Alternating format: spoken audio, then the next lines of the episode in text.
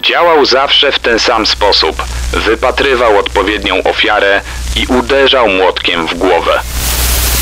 Panie Mariuszu, bez głupot. Skończyła się pańska działalność. Niech się pan spowiada.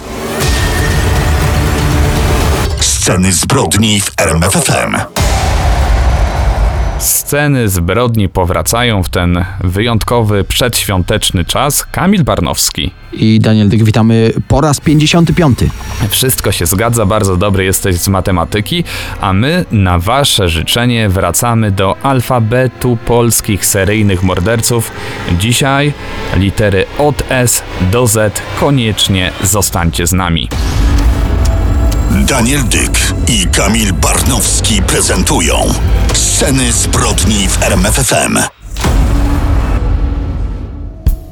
Powiem e, szczerze, że kiedy powstał pomysł, by przedstawić wam to zestawienie, to miałem bardzo mieszane uczucia, bo lista wydawała się długa, niestety, a lista ich ofiar przerażająco wielka. No widzisz, a już dziś po raz ostatni zaglądamy do najbardziej przerażającego alfabetu seryjnych morderców w scenach zbrodni. I mamy nadzieję, że nie pojawi się już nikt nowy w tym zestawieniu przez długie, długie lata, bo że nikt nowy nie zapisze się na tej liście, no niestety w tej kwestii pozostaniemy sceptyczni.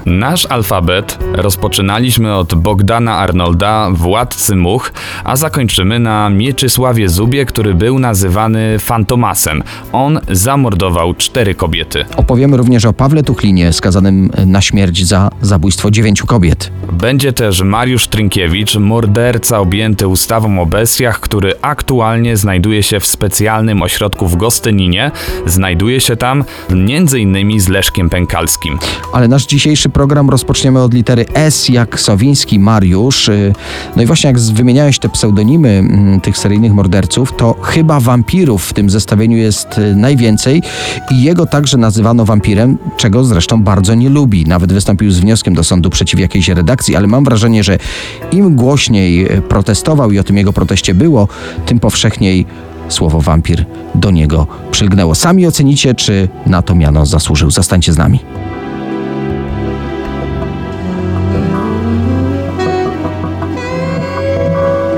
Czas na literę S jak Sowiński. Sowiński Mariusz, urodzony w 1976 roku w Jarosławcu.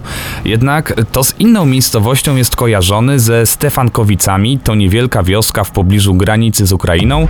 Dziś to jest Lubelszczyzna. Sowiński przez media nazywany był wampirem ze Stefankowic. Według sądu to zabójca, gwałciciel i zoofil. Jego seria zaczęła się, gdy osiąga wiek 18 lat, w roku 94. Właśnie w Stefankowicach wykorzystał i zamordował Zofię K. By zbrodnia się nie wydała, ciało kobiety wrzucił do studni. Następna na jego liście zbrodni była Antonina E. Sąsiednia wioska, Kułakowice, to było rok później. Kobietę wykorzystał, ale nie zabił jej bezpośrednio. Po prostu podpalił jej dom, mając nadzieję, że ogień zatrze wszelkie ślady. Kobietę udało się jednak z pożaru uratować, ale obrażenia, jakie odniosła od ognia i dymu, były na tyle poważne, że zmarła w szpitalu. Sowiński działa z zadziwiającą regularnością. Kolejny rok, kolejna zbrodnia. Tym razem ofiarę wypatrzył i zaatakował na terenie ogródków działkowych w pobliskim mieście w Chrubieszowie. Wykorzystał Wiesławę Eł. E, nauczony wcześniejszym przypadkiem, nie ryzykuje, nie zostawia sprawy pożarowi, zabija ją na miejscu nożem. Mija kolejny rok, teraz noc z 31 sierpnia na 1 września 97 roku i znów Stefankowice, tym razem Genovefa S. Ją po wykorzystaniu udusił kablem. Cztery lata, cztery gwałty, cztery morderstwa. I wszystko w jednej okolicy. Co ze śledztwem, można zapytać, co z tropami. Wyobraźcie sobie, za zbrodnie do więzienia trafił Kazimierz P., ale gdy przebywał za kratami, dochodzi do kolejnej zbrodni. Sowińskiego w końcu aresztowano tuż po czwartej zbrodni. Odbywał akurat obowiązkową służbę wojskową w Sanoku. Przyznał się właściwie od razu. Mówił o swoich zbrodniach bez emocji. Sprawa wydawała się tutaj oczywista. A jednak niewiele brakowało, a do sprawy by nie doszło, bo na pierwszej rozprawie pojawił się ojciec y, trzeciej ofiary Sowińskiego. Jakimś cudem przemycił do sądu siekierę i próbował zabić mordercę swojej córki. Wbił mu siekierę w plecy. Sowiński wydobrzał i ponownie trafił przed sąd. Tu trzymał się wersji, że jest niewinny. Jego obrońca twierdził, że jego klient jest chory psychicznie. Jednak dowody pozwoliły go skazać na wyrok dożywocia z możliwością przedterminowego zwolnienia najwcześniej w 2047 roku.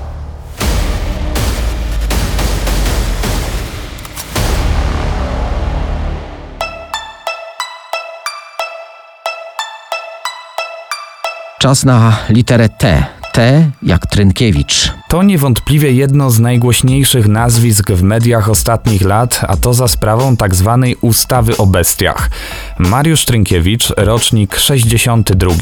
Pochodzi z Piotrkowa Trybunalskiego, dlatego prasa nazywała go szatanem z Piotrkowa. To był środek wakacji 1988. W radiu i w telewizji pojawia się komunikat, że w lesie pod Piotrkowem Trybunalskim znaleziono spalone ciała trzech chłopców. Milicja rozpoczęła poszukiwania mordercy, a rodzice w Polsce no, czujniej niż zwykle pilnowali swoich pociech. To bardzo łagodnie powiedziane. Oczywiście największy strach zapanował w Piotrkowie i w okolicy. Chyba nie było tu rodziny, która nie pomyślałaby, to mógł być mój syn. Podwórka opustoszały, na placach zabaw, jeśli pojawiały się dzieci, to pilnowane przez rodziców czy dziadków. No i te podejrzliwe spoglądanie na sąsiadów. Każdy gest wobec dzieci, nawet taki najbardziej niewinny, życzliwy, stawał się czynem podejrzanym. Skoro milicja nie miała żadnego sprawcy, to przecież zabójcą tych chłopców mógł okazać się każdy. W domu Trynkiewiczów także rozmowy pojawiały się na temat tych bestialskich czynów. W trakcie podawania obiadu synowi wstrząśnięta mama miała powiedzieć: Nie mogła tego zrobić jedna osoba. Tacy powinni otrzymać karę śmierci bez sądu. Jednak prawdziwy szok przeżyła na drugi dzień po tych słowach, gdy milicjanci zjawili się u jej drzwi. Aresztowali jej kochanego syna Mariusza. To na pewno była trudna matczyna miłość. Z Mariuszem już wcześniej bywały problemy.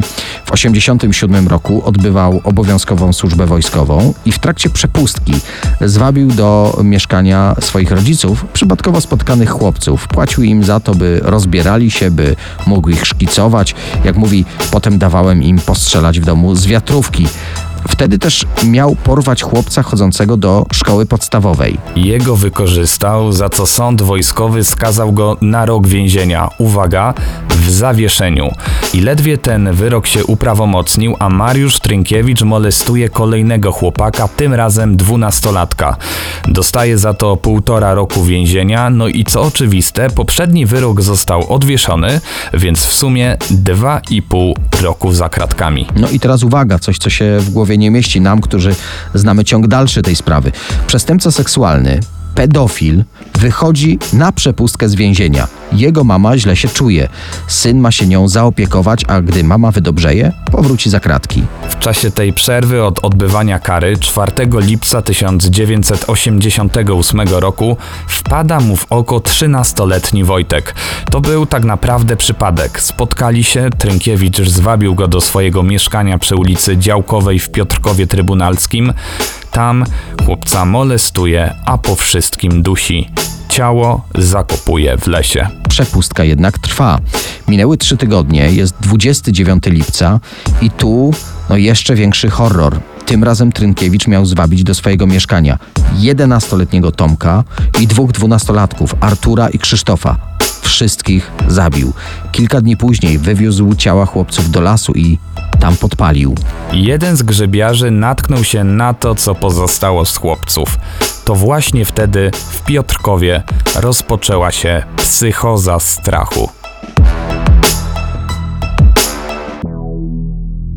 Wracamy do głośnej historii Mariusza Trynkiewicza. Mariusz to wzorowy uczeń, ukończył świetnie liceum, potem studia, w ich trakcie zaczął pracę w szkole podstawowej. Uwaga, był nauczycielem wychowania technicznego. Jego uczniowie garnęli się do niego, przyjazny, błyskotliwy człowiek, lubiany także w pokoju nauczycielskim. Warto zaznaczyć, że ma wysoki iloraz inteligencji IQ 121 punktów. To jedno oblicze, ale to drugie to bezwzględna bestia, pedofil, sadysta i morderca. Mówiliśmy, że po odnalezieniu zwęglonych ciał trzech chłopców blady strach padł na okolice Piotrkowa i to był numer jeden właściwie wszystkich rozmów. Milicja pod wielką presją rozpoczęła więc śledztwo. Gdzieś czytałem, że właściwie od początku został wytypowany jako podejrzany. Kto raz trafił do akt za przestępstwa seksualne wobec nieletnich, jest brany pod uwagę, gdy podobna zbrodnia ma miejsce, zwłaszcza na terenie jego działalności. Mariusz Trynkiewicz no, miał tutaj e, na pięku sprawę, więc został aresztowany. W trakcie przesłuchania w komendzie wojewódzkiej MO usłyszał, no być może trochę w ciemno wypowiedziane słowa przez jednego z funkcjonariuszy. Panie Mariuszu, bez głupot, skończyła się pańska działalność, niech się pan spowiada. W tym samym czasie milicja sprawdzała jego mieszkanie. Zabezpieczono ślady krwi, a także innymi zegarek jednej z ofiar. Śledczy zabezpieczali ślady przez trzy dni. W tym czasie szeptana plotka rozeszła się po osiedlu. Przed blokiem, w którym mieszkał, zebrał się tłum. No tak bywało, że policjanci wręcz musieli się przeciskać. Ustalili w trakcie badania mieszkania, że ciała spalonych chłopców owinięte były w materiał, z jakiego uszyto zasłony w domu Trynkiewicza. W toku tego śledztwa milicja ustaliła, że właśnie Trynkiewicz odpowiada również za zamordowanie chłopaka kilka tygodni wcześniej. O tej sprawie też wspominaliśmy. No i ruszył proces. Biegli psychiatrzy orzekli, że Trynkiewicz był poczytalny, gdy dokonał zbrodni. Jak czytamy, jego zachowania znamionował sadyzm oraz realizowanie popędu seksualnego w połączeniu z cechami algolagni. Ten trudny y, psychiatryczny język algolagnia to właśnie osiąganie satysfakcji poprzez zadawanie bólu. Sąd w tej sprawie nie miał żadnych wątpliwości. Mariusz Trynkiewicz za każde zabójstwo został skazany na karę śmierci. Poczwórny wyrok śmierci, to podkreślamy. A jednak rok 89, w Polsce kończy się komunizm, nowy ustrój, no i amnestia dla więźniów. Jego wyrok został zmieniony na 25 lat pozbawienia wolności. Pamiętając, że dopuścił się zbrodni w trakcie przepustek, tym razem ich nie otrzymuje. Termin odbywania jego kary minął 11 lutego 2014 roku. Ale pewnie wszyscy pamiętamy głośną konferencję prasową Zbigniewa Ziobry. Rozpoczęła się wtedy dyskusja o wypuszczeniu z więzienia osób, które dopuściły się potwornych zbrodni.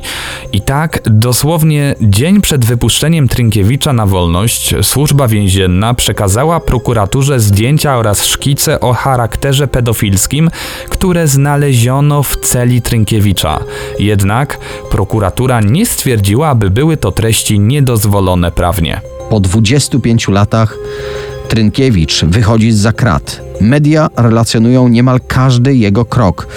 Niespełna miesiąc później obowiązuje już napisana błyskawicznie tak zwana ustawa o bestiach. Sąd uznaje Mariusza Trynkiewicza za osobę stwarzającą zagrożenie, czyli podlegającą tej ustawie. Zostaje więc zamknięty w izolacji, tym razem w ośrodku w Gostyninie. I to zaskakujące, w tym zamkniętym ośrodku Trynkiewicz żeni się, ale i popada w kolejne kłopoty z prawem. Został skazany na 5,5 roku pozbawienia wolności za posiadanie dziecięcej pornografii.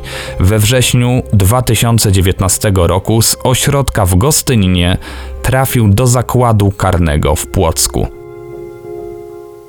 W scenach zbrodni wracamy do alfabetu polskich seryjnych morderców, tym razem T jak Tuchlin Paweł. Zamordował 9 kobiet, a 11 bardzo poważnie ranił. Pierwsza ofiara Tuchlina to Irena H. Jest 8 listopada 1979 roku, niestępowo wioska Kołoleźna. Tego wieczoru Irena wracała z Gdańska, gdzie pracowała jako pielęgniarka. Dodajmy, że wracała PKS-em razem ze swoją kuzynką. Kobiety zdążyły jeszcze pójść na szybką herbatę do lokalnego baru Stylowa, no i około godziny 20 kuzynki rozstały się. Niestety droga Ireny przecięła się z Pawłem Tuchlinem. On wyjechał wtedy na obrzeża Trójmiasta i szukał swojej ofiary. W ciemnościach przemierzał okolice, po długich poszukiwaniach we mgle zauważył zarys człowieka. Przyspieszył kroku i dostrzegł, że to na pewno kobieta. Dalszą część planu miał już opracowaną. Podbiegł do Ireny i uderzył ją kilkakrotnie młotkiem w głowę. Kobieta straciła przytomność. Tuchlin zaciągnął ją na łąkę obok drogi, tam rozebrał i wykorzystał. Gdy odchodził z miejsca tej zbrodni, kobieta jeszcze żyła. Dodajmy, że y, ukradł jej też torebkę z dokumentami i pieniędzmi. Morderca podczas ucieczki zgubił narzędzie zbrodni. Dokładnie owinięty w bandaż młotek z zakładu, w którym pracował, wpadł do rzeki. Co więcej, śledczy znaleźli ten młotek i połączyli go z morderstwem 18-letniej Ireny. Był na nim nawet wyryty napis ZNTK Zakłady Naprawcze Taboru Kolejowego. Szybko sprawdzono w wykazie, kto pobierał narzędzia e, w zakładach, ale na tej liście jakimś cudem nie było akurat Tuchlina. Pozostali pracownicy za to mieli niepodważalne alibi. Ten kierunek śledztwa został zamknięty. Wszystko wskazuje na to, że Tuchlin młotek po prostu ukradł z pracy, albo ktoś go nie wpisał na tę listę. Gdyby wtedy śledczym udało się trafić na jego trop, a brakło naprawdę niewiele, ocalono by najprawdopodobniej życie kolejnych ośmiu kobiet. Powiedzmy teraz trochę więcej o Pawle Tuchlinie. Rocznik 46 miał 11 rodzeństwa. Od dzieciństwa miał problemy z moczeniem się w nocy. Stało się to jego koszmarem. W domu prześladował go przez to ojciec, dodajmy alkoholik. Rodzice codziennie rano sprawdzali, czy prześcieradło jest suche. Jeśli nie, dostawał lanie. Zresztą ojciec był przekonany, że przyczyną moczenia się syna w nocy nie jest choroba, tylko jego złośliwość albo lenistwo. Przypięta przez rodzinę łatka szła dalej w życie za Tuchlinem. W szkole naśmiewali się z niego rówieśnicy, dziewczyny z okolicy nie chciały się z nim w ogóle spotykać. Wszyscy wytykali go przez to palcami, śmierdziel, sikacz, strażak, tak był nazywany w okolicy. W dzieciństwie Tuchlin, y, dodajmy, widział jak ogłusza się świnie przeznaczone na rzeź i właśnie podobnej techniki próbował na ludziach. Już jako dorosły przeprowadził się do Gdańska, gdzie pracował w różnych miejscach. Y, Tuchlin nie potrafił powstrzymać swojego popędu seksualnego. Rozbierał się przed kobietami, na przykład przed Akademią Medyczną w Gdańsku i uciekał. Taki ekshibicjonizm bardzo go kręcił. Jak wspominaliśmy, pierwsze jego morderstwo to listopad 78 rok, ale Tuchlin polował już dużo wcześniej. Dokładnie pod koniec 75 roku w Gdańsku atakuje po raz pierwszy. Jednak trzy pierwsze ofiary przeżyły napaść mordercy. Jednej kobiecie życie uratowała czapka z lisa, która zamortyzowała uderzenie, a inne przeżyły dlatego, że Tuchlin przestraszył się po prostu przypadkowych przechodniów. Jak wpadł ten morderca, który w pewnym momencie zyskał u milicjantów pseudonim Skorpion. O tym powiemy już za moment w scenach zbrodni.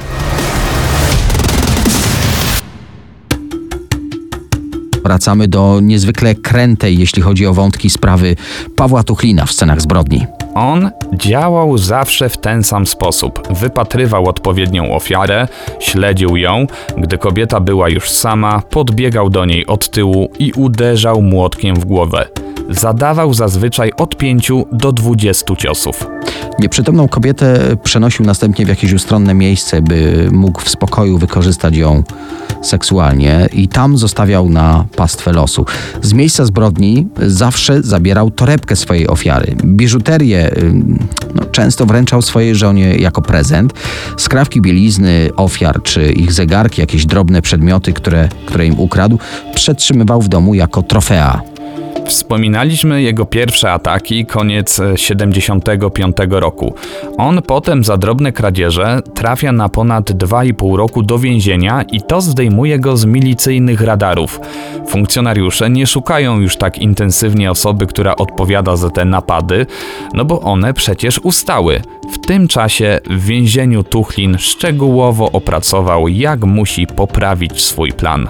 No tak, wiedział, że powinien ograniczyć ataki w mieście, gdzie jest zbyt dużo przypadkowych osób, dlatego często polował w mniejszych miejscowościach położonych niedaleko Trójmiasta. Po wyjściu z więzienia, czyli między listopadem 79 a grudniem 1980 roku zamordował sześć kobiet. Mordował o różnych godzinach, raz wieczorem, e, raz na przykład o 5 nad ranem, ale zazwyczaj pod osłoną nocy. Później między 81 a 83 rokiem zamordował kolejne trzy kobiety. On był wtedy przekonany, że jest bezkarny, sprytniejszy od śledczych, dlatego zaczął atakować w biały dzień. Nie miał opracowanego planu i to na całe szczęście, bo pozwoliło śledczym go złapać. W styczniu 1983 roku stworzono specjalną grupę śledczą o nazwie Skorpion, y, o tym już wspominaliśmy. Liczyła ona 11 osób, no i jej zadaniem było złapanie seryjnego mordercy polującego na kobiety. Ostatecznie zatrzymano go 31 maja 1983 roku, trzy tygodnie po jego, jak się okazało, ostatnim już morderstwie. Chociaż musimy też przyznać, że zatrzymano go z powodu kradzieży kilku świniaków. Mapa kradzieży nakładała się na miejsca, gdzie napadano na kobiety i tak natrafiono na jego trop. No właśnie, podczas przeszukania jego posesji trafiono też na schowany młotek ze śladami krwi, no i inne dowody, dzięki którym sprawy Skorpiona rozwiązano. Podsumowując, Paweł Tuchlin w momencie zatrzymania ma 37 lat. Tak naprawdę sam nie wie, ile osób zamordował. Początkowo przyznał się do 10 morderstw. Potem odwołał część swoich zeznań. Absolutnie nie żałował tych, których skrzywdził. Wyrok w tej sprawie mógł być tylko jeden kara śmierci. Wykonano go 25 maja 1987 roku przez powieszenie. Można zastanawiać się, jakim cudem przez tyle lat Tuchlin polował, mordował i uchodziło mu to wszystko płazem. Pamiętajmy, nie było wtedy narzędzi do analizy DNA. Sam morderca był bardzo ostrożny, nie zostawiał za wiele śladów, a co chyba najważniejsze, śledczy przez wiele lat nie połączyli tych wszystkich zbrodni. Nie wiedzieli, że mają do czynienia z jednym po prostu seryjnym mordercą. Dodatkowo pory, w których atakował i warunki atmosferyczne, jakie, jak się wydawało, wybierał, to wszystko zacierało i tak e, nieliczne ślady, jakie zostawiał. Jego życie było pełne sprzeczności. My teraz znamy go jako bezwzględnego mordercę, którego brutalność nie mieści się nam w głowie. Natomiast pamiętajmy, że Tuchlin był dwukrotnie żonaty. Jego małżonki zeznawały po tym, że ich życie rodzinne i to seksualne układało się zupełnie normalnie. Doczekał się dwójki dzieci, a sąsiedzi byli przekonani, że jest spokojnym, małomównym człowiekiem, który bardzo troszczy się o swoją rodzinę.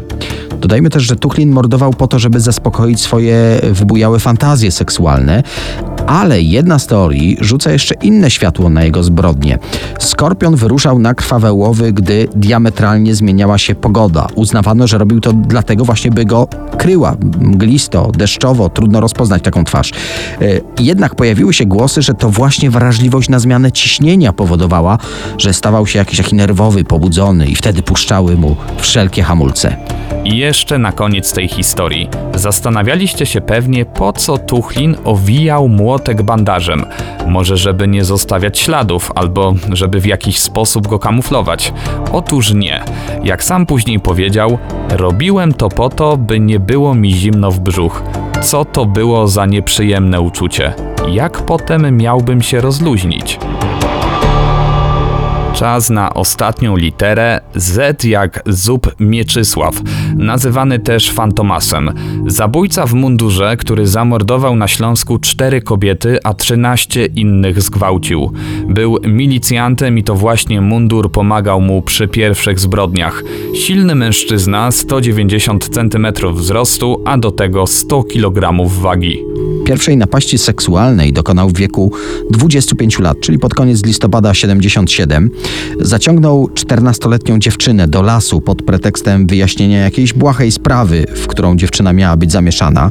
Gdy byli już daleko od ludzi, przewrócił ją, zaczął dusić, groził pistoletem i wykorzystał. Znalazłem nawet informację, że po wszystkim chciał ją nawet odprowadzić pod dom.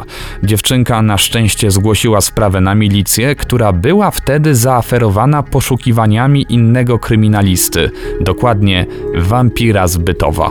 No, być może właśnie z tego powodu do śledztwa funkcjonariusze nie podeszli z należytym zaangażowaniem.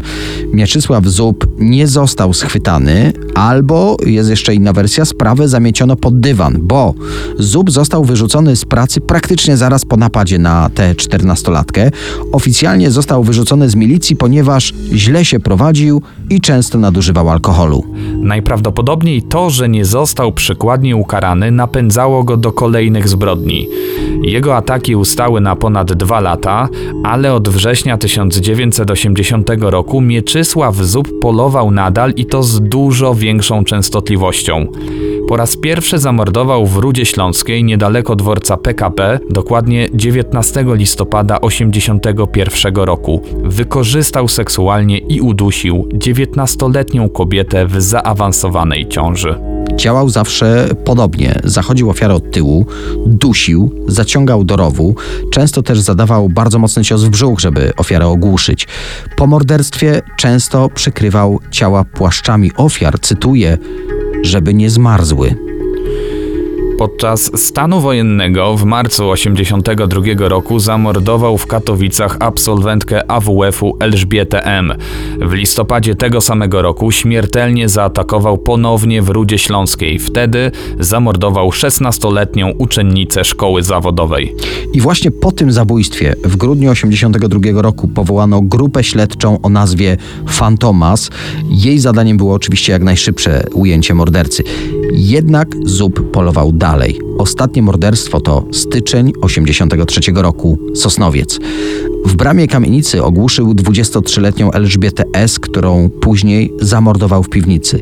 Ciało kobiety wyniósł i zostawił w okolicach rur ciepłowniczych, przez nikogo niezauważony. Funkcjonariusze złapali ostatecznie Fantomasa dzięki heroicznej walce 14-letniej Ilony.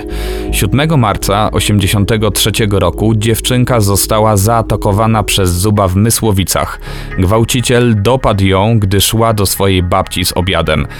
Jakimś cudem Ilonie udało się oswobodzić i uciekła do domu. Zub w trakcie tej pogoni zgubił swoje dokumenty. Dziewczynka zgłosiła sprawę na milicję. Funkcjonariusze przeszukując teren znaleźli wspomnianą przepustkę, pojechali do domu Zuba, no i znaleźli ubrudzone spodnie od trawy i błota. To były oczywiście te ślady walki z Iloną.